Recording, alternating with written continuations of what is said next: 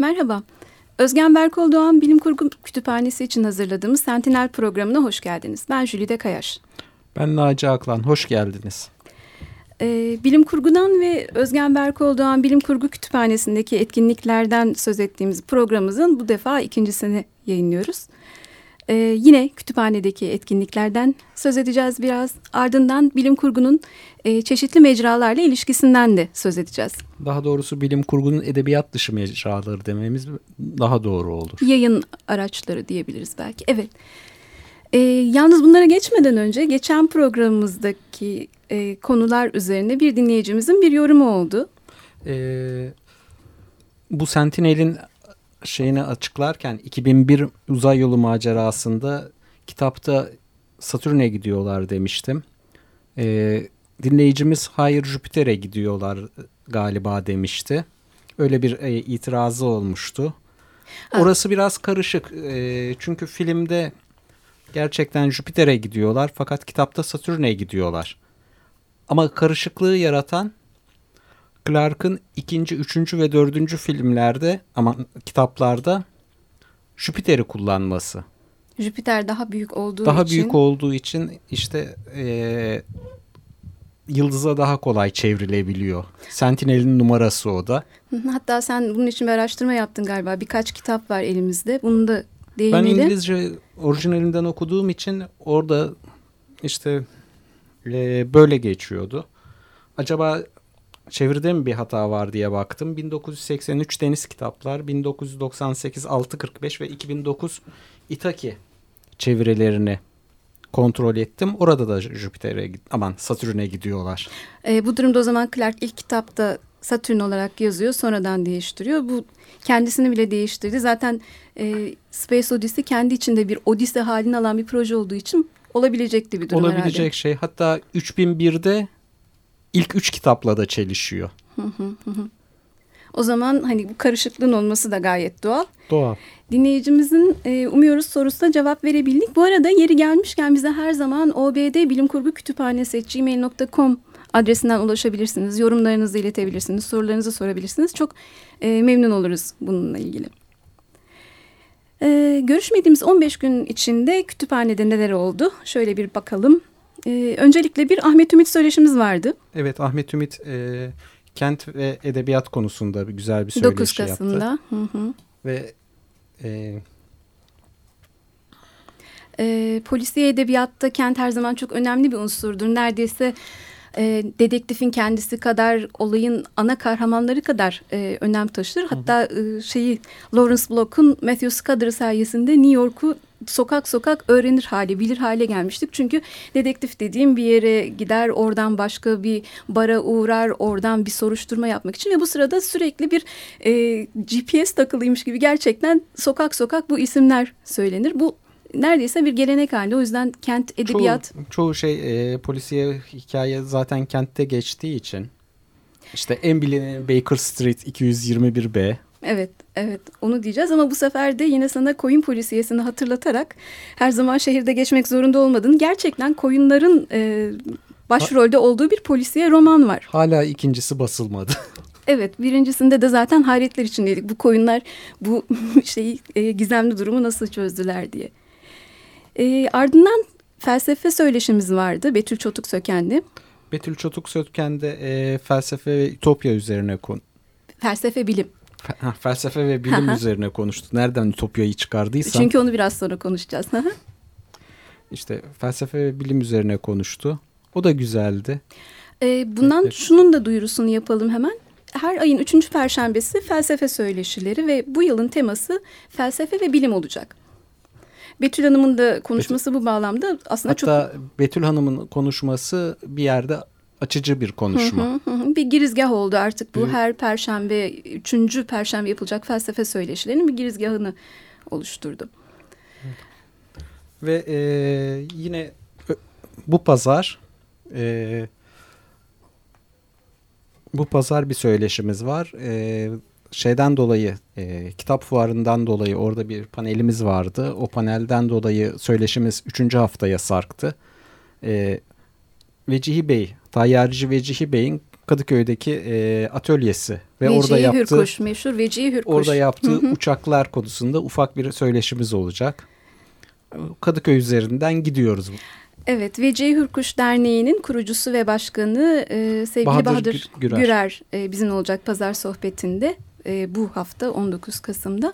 12 Kasım'da biraz önce Naci'nin söylediği e, TÜYAP Kitap Fuarı'nda bir panelimiz vardı. Panelde e, İş Bankası Kültür Yayınları'yla ortak çıkardığımız Ütopya Edebiyatı kitabından hareketle Ütopyalar üzerineydi. Benim karıştırdığım şey. evet biraz önce oradan karışıklık oldu. Panelin e, moderatörlüğünü Çağlayan Çevik yaptı. Konuşmacılar Nevzat Doğan ve Zeki Coşkun'du. Ki Nevzat Bey de geçen haftanın e, konuğuydu. Evet kütüphanenin kurucusu o.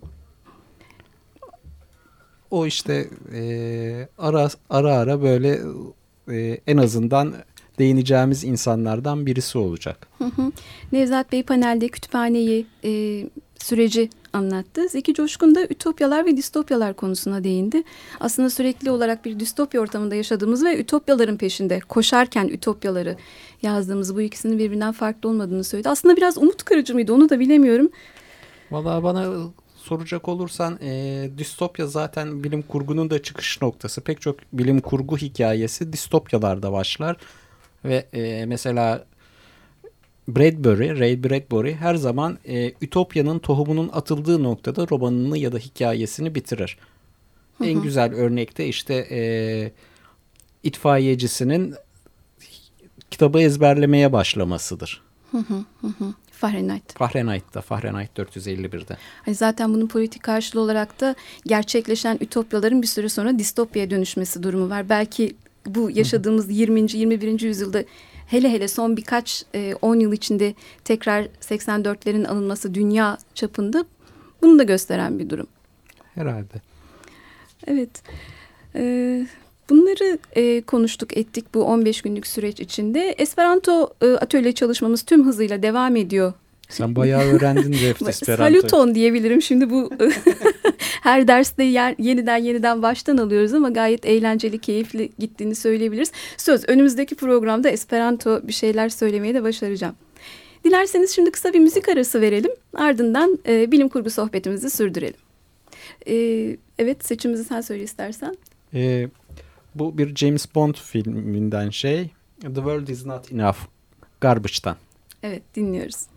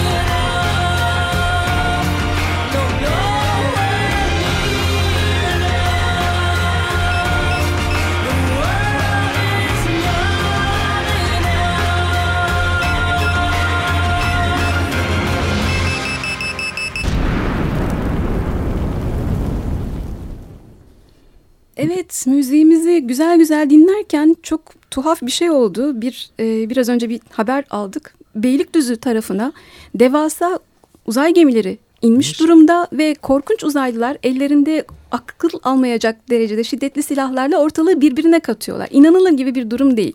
Az önce e, söylediğimiz TÜYAP e, fuar merkezi yanmış durumda Korkunç. ve e, polis ve asker birlik askeri birlikler bölgeye sevk ediliyormuş. Hı hı. Haberler şimdilik bu kadar. Evet onları takip edeceğiz. Şimdi bunu söyleyince tabii biz e, saçma bir şey söylemiş olduk. Herhalde bu programcılar delirdi dediniz. Kimsenin de inanacağını sanmıyoruz. Fakat e, 1938 yılında Orson Welles e, radyo programında H.G. Wells'in Dünyalar Savaşıyor romanından bir kupleyi okuduğunda toplumsal bir histeriye sebep olmuştu. Ama e, şöyle de söylememiz lazım. H.G. Wells'in romanı hem çok etkili bir romandı. Yazıldığı zaman bile histeriye yol açmıştı. Hem de e, Orson Welles e, bunu çok güzel bir şekilde haber programının sonuna ekleyip jenerik sokmadan direkt ha, sanki haber veriyormuş gibi bir muhabire bağlanarak devam ettirmişti ve bu şekilde e, radyonun gücü ortaya çıkmıştı. Evet bu hem kullanma biçiminden kaynaklanan bir güç hem de o dönemin toplumsal yapısını düşünecek olursan insanların zaten gergin olduğu her an her yerden düşman e, düşman tavırları... Xenofobinin arttığı bir dönem evet. Ve e, insanlar hem korkuyorlar hem ekonomik bir e, çöküşün hemen ertesinde yaşanan bir dönem. Onun için her şeye de açıklar ve tabii ekonomik çöküşle birlikte yeni bir yeni şeyler de gelişiyor ve bu e, yeni yükselen e, kullanım biçimlerinden biri de radyo. Evet insanların yeni yeni hayatına girmeye başlıyor. Yeni yeni hayatına girmeye başlıyor. İşte bir diğeri de bilim kurgu ve bilim kurguyla radyo burada birleştiği anda da insanlara yeni bir e, korku kapısı açılmış oluyor. Evet bu e, toplumsal hisleri o zaman kentlerin boşalmasına sebep oluyor. insanların yollara dökülmesine sebep oluyor. Yüzlerce köy ve kasaba boşaldı deniyor. Ne kadar doğrudur değildir bilmiyorum. Evet. Ve e, New Jersey tarafından Amerikan içlerine doğru ciddi göçler başlıyor. Tam da e, kitabın kendisinde anlatıldığı gibi hatırlarsan orada da Merihliler gelince ya da e, uzaylılar insanlar hemen kırsala doğru gitmeye başlarlar. Bizim kahramanın başına olmadık işler gelir falan filan. Kuzey İngiltere'ye kaçarlar. Evet. Oradan da İskoçya'ya geçeceklerdir. Evet.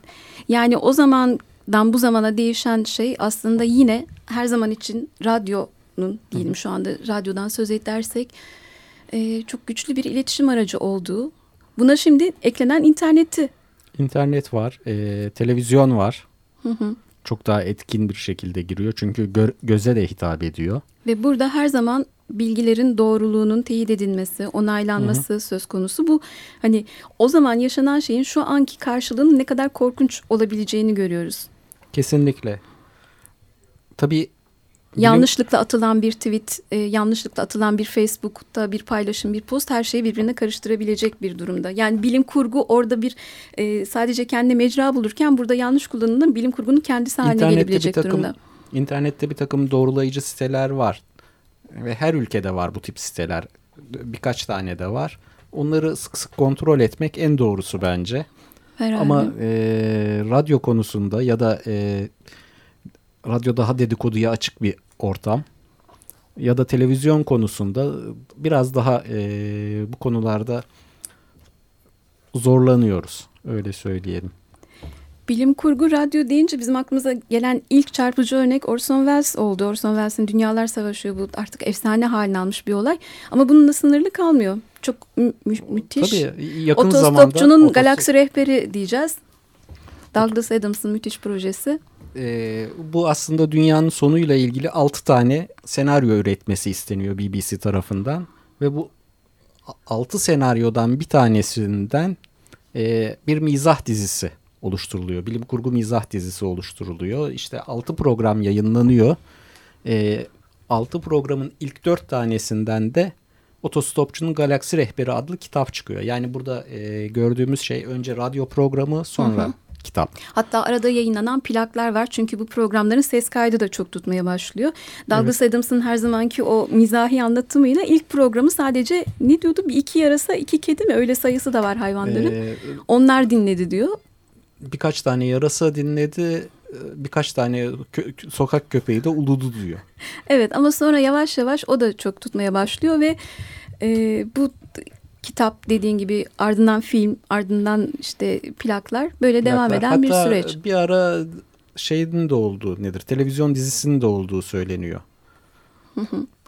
Ama bilim kurguya tekrar geri dönecek olursak sinema yine radyo ve bilim kurguyla eş zamanlı olarak gelişen bir e, ortam olduğu için bilim kurgu tarafından kullanılıyor.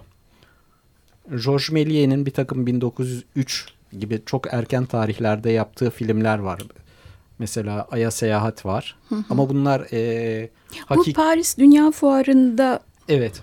Hı hı. Evet. Paris Dünya Fuarı'nda Onun olan şey. Onun için hazırlanıyor neredeyse. Fakat hı. ilk gerçek bilim kurgu şeyi filmi Fritz Lang'ın Metropol. Metropolis'i. 1920 o da. 1920'de da... ondan sonra da işte devamı geliyor. Hı hı. Hatta e, oradan tekrar yeniden film üzerinden tıpkı radyoda olduğu gibi bazı şeyler, konular yeniden yeniden işleniyorlar. Mesela bunun en bilinen ve günümüzde de en e, aktif olan örneği uzay hmm, yıldız savaşları. Onun alt başlıkları açılıyor, mangalarda kendine yer buluyor, çizgi romanlar, alt evrenler, her bir Jedi'ın ayrı bir evreni çıkıyor, giderek genişliyor. Genişliyor. Çok üretken bir alan. Yalnız burada o mecralarla bilim kurgunun ilişkisinde hani bilim kurgu kendisine bunları konu ederken o konunun içine kendisi girmiş oluyor. Burada böyle birbirini hem kapsayan hem kucaklayan hem de e, netameli bir durum var. Kendini anlatan kitaplar. Evet. Öyle de diyebiliriz. Bunlardan söz ederken son bir örneğimiz vardı bizim. BBC çok seviyor bu işi. BBC'nin çok sevdiği bir kahraman. Hı hı. Ee, aynı zamanda en uzun süreli e, televizyon dizisi ünvanını da taşıyor. BBC Dok çok seviyor demiştik. Tuttuğunu gördükçe. Evet. Doktor Who. Doktor Who bir zaman lordu ve zaman lordlarının 12 tane hayatı oluyor.